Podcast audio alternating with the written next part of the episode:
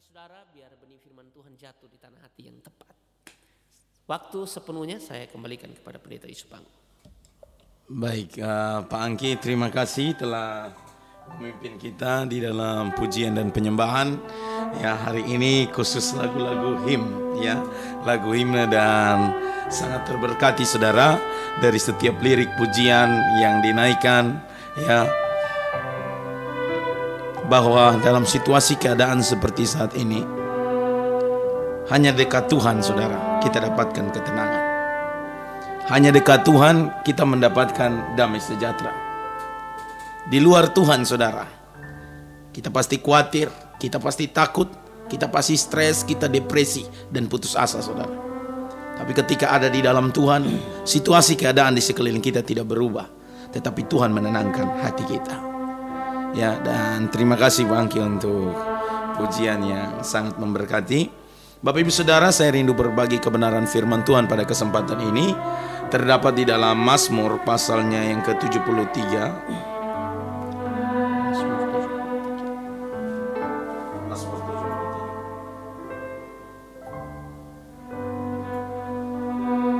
Mazmur 73 ayat 21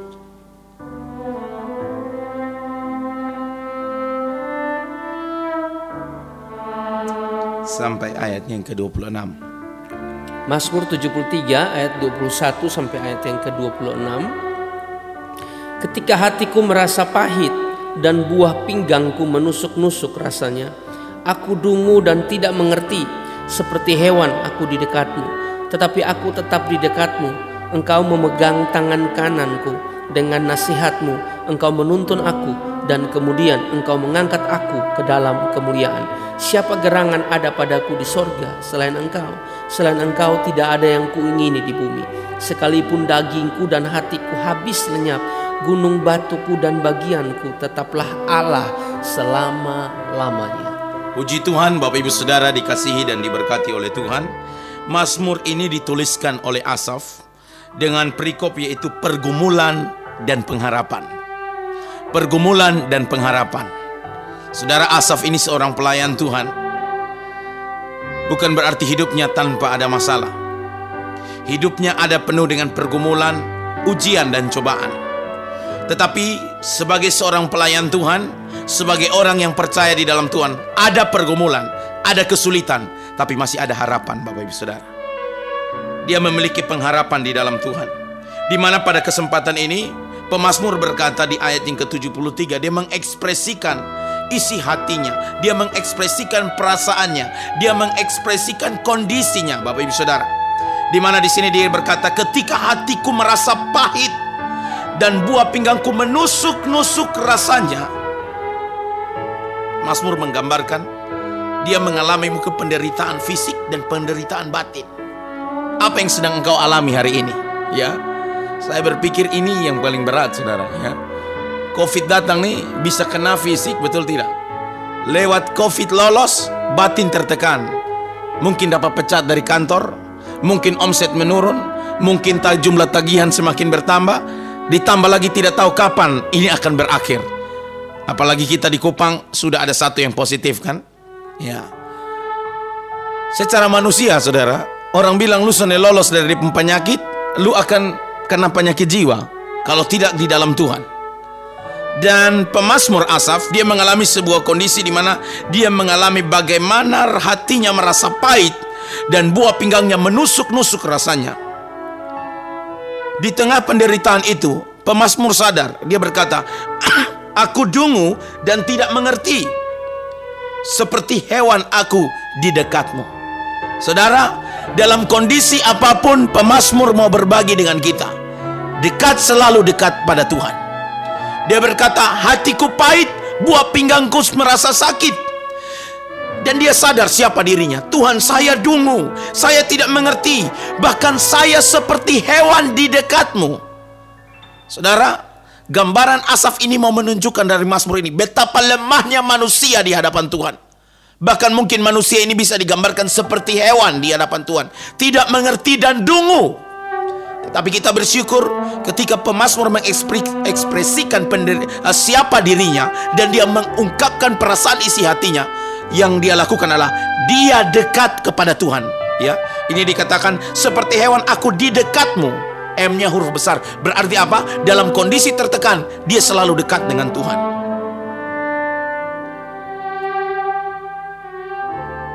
Dan ayat 23 berkata, Tetapi aku tetap di dekatmu, engkau memegang tangan kananku. Kondisi belum berubah. Pemasmur masih merasakan pahitnya hati. Pemasmur mungkin masih merasakan di mana buah pinggangnya menusuk-nusuk. Tapi dia berkata, dia akan mau tetap dekat dengan Tuhan. Dan ketika dia bisa bertahan di dalam penderitaan itu, dia tahu karena Tuhan yang memegang tangan kananku. Saudara, Hari ini satu dunia semua orang mengalami kesusahan. Tidak ada yang bilang saya susah sendiri, engkau tidak susah. Tidak ada, saudara. Semua kita mengalami kesusahan. Mau tua muda, kaya, miskin kah? Ya, punya perusahaan besar kah? Atau anda hanya pedagang sayur di pasar? Semua orang mengalami yang namanya kesusahan. Tapi Mazmur pagi hari ini mengingatkan kepada kita bahwa marilah kita tetap dekat dengan Tuhan dan percayalah, ketika kita masih bisa bertahan itu karena Tuhan dia menggambarkan di sini, engkau memegang tangan kananku. Artinya Tuhan yang memegang tangannya, Tuhan yang menuntunnya. Saudara lihat, pemasur mengakui bahwa otoritas kuasa Tuhan itu luar biasa. Saya dengan anak perempuan saya kalau kami nyebrang jalan, kalau dia yang pegang tangan saya, kemungkinan lepas bisa tidak? Bisa. Saya biasa bilang cila Nike, ya pegang papa uh, pegang tangannya papa. Kalau mereka pegang bisa saja terlepas saudara. Tapi kalau saya bilang cila nike ayo samping kiri kanan papa pegang tangan kalian. Kalau saya yang pegang saya sebagai ayahnya yang genggam tangan anak saya Saudara saya bisa tahu mana kendaraan yang datang dari sili, kiri dan kanan. Apakah ada bahaya datang? Dan kalau saya yang pegang pasti tidak akan saya lepas. Karena saya tangan saya lebih besar dari mereka dan pemazmur mengekspresikan dalam mazmur ini, sekalipun dia merasa pahit di hati dan buah pinggangnya menusuk-nusuk, dia berkata bahwa aku tetap di dekatmu dan engkau Tuhan yang memegang tangan kananku. Kalau Tuhan pegang tangan kita, son mungkin tak lepas. Percaya, Bapak Mama. Hmm. Son mungkin tak lepas. Kalau Tuhan yang pegang tangan kita.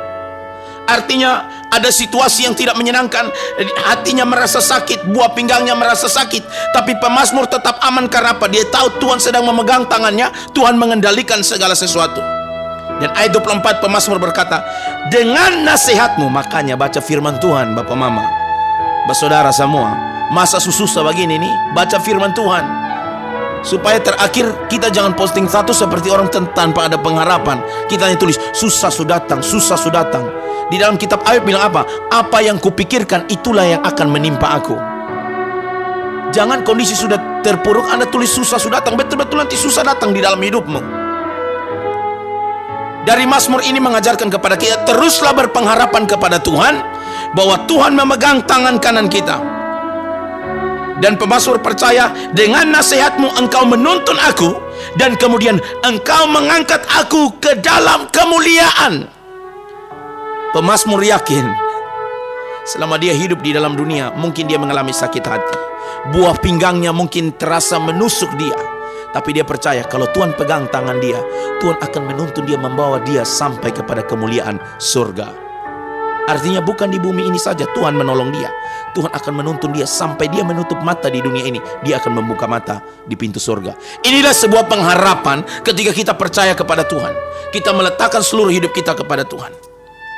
Sehingga pemasmur betul dia katakan di ayat 25 dan 20 uh, eh, ayat yang ke-25 dia ungkapkan imannya. Siapa gerangan ada padaku di sorga selain engkau? Selain engkau tidak ada yang kuingini di bumi. Saudara orang yang sakit hati, saudara yang mengalami kepahitan, saudara yang mengalami sakit penderitaan hari ini, jujur engkau akan kuat menghadapinya apabila engkau meletakkan seluruh pengharapanmu hanya kepada Tuhan. Seperti pemazmur berkata, saya tidak inginkan yang lain di surga maupun di bumi. Hanya engkau Tuhan. Sampai kita jadikan Tuhan sebagai sumber satu-satunya pertolongan kita. Kita aman Bapak Mama.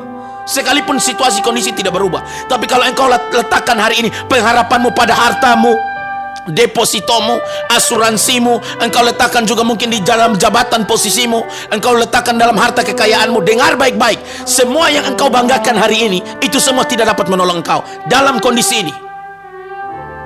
Mau miskin kah, mau kaya kah, Kalau kita di luar Tuhan, engkau tidak akan dapatkan ketenangan. Pemasmur berkata, dalam kondisi di mana dia merasa pahit hati, buah pinggang yang menusuk-nusuk dia berkata, selain Tuhan tidak ada yang kuingini di bumi. Tuhan izinkan kita menghadapi pergumulan, saudara, supaya kita datang dekat kepada Tuhan dan hanya jadikan Tuhan sebagai sumber satu-satunya pertolongan kita. Sehingga pemasmur berkata, sekalipun dagingku dan hatiku habis lenyap. Sekalipun mungkin nanti pada akhirnya tubuhnya binasa, dia mati. Sekalipun mungkin hatinya, Bapak Ibu Saudara ya, dikatakan habis lenyap perasaannya. Dia katakan apa? Gunung batuku dan bagianku tetaplah Allah selama-lamanya. Saudara perhatikan, kalau orang punya pemahaman sampai begini, mau penderitaan model apa, setan juga bingung mau uji dia.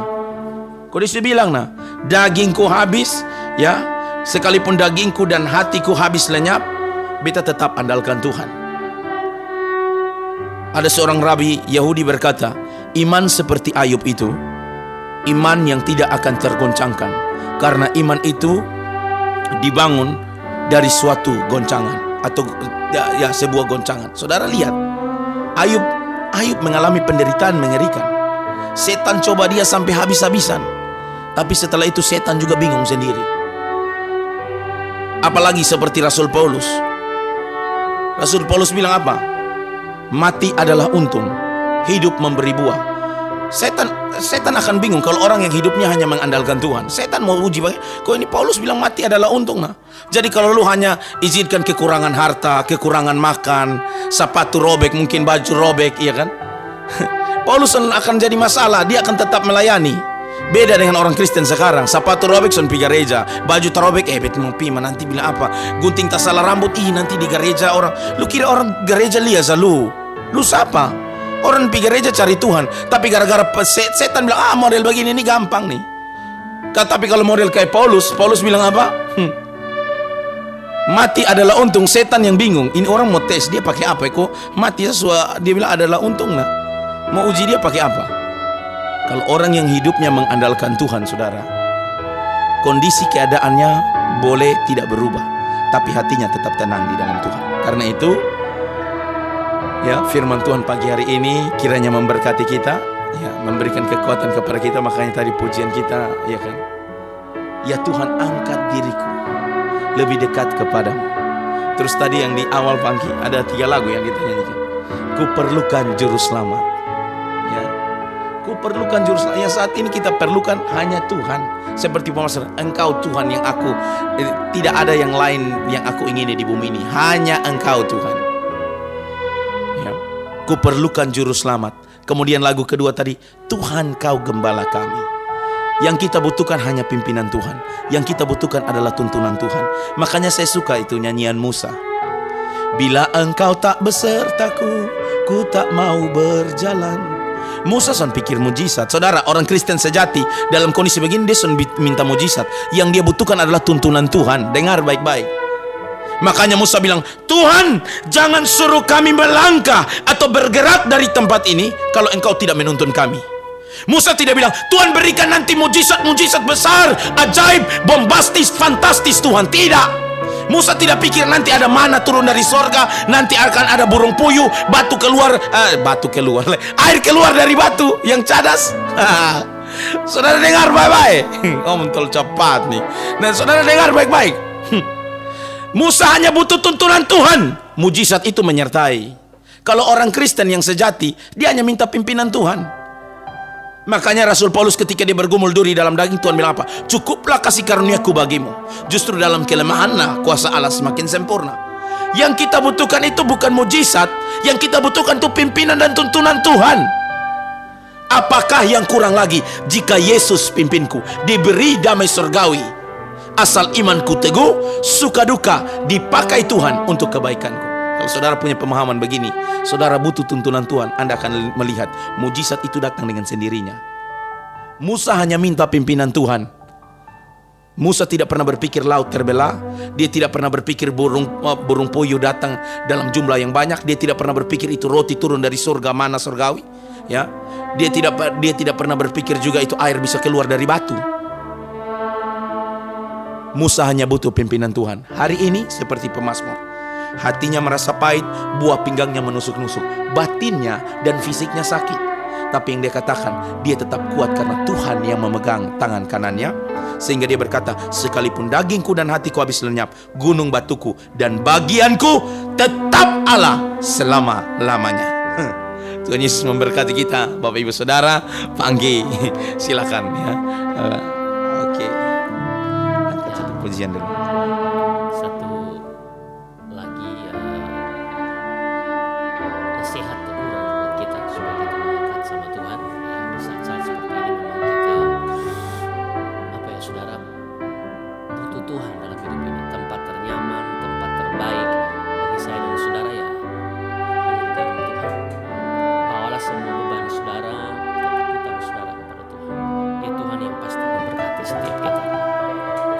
ada yang eh, minta didoakan karena hari ini ulang tahun mereka. Yang pertama Pak Yanes Pelo berhari ulang tahun, lalu anak Dea Johannes, anak dari Pak Budi Johannes, dan juga anak dari Pendeta Melato, Gitskel yang berhari ulang tahun. Ya,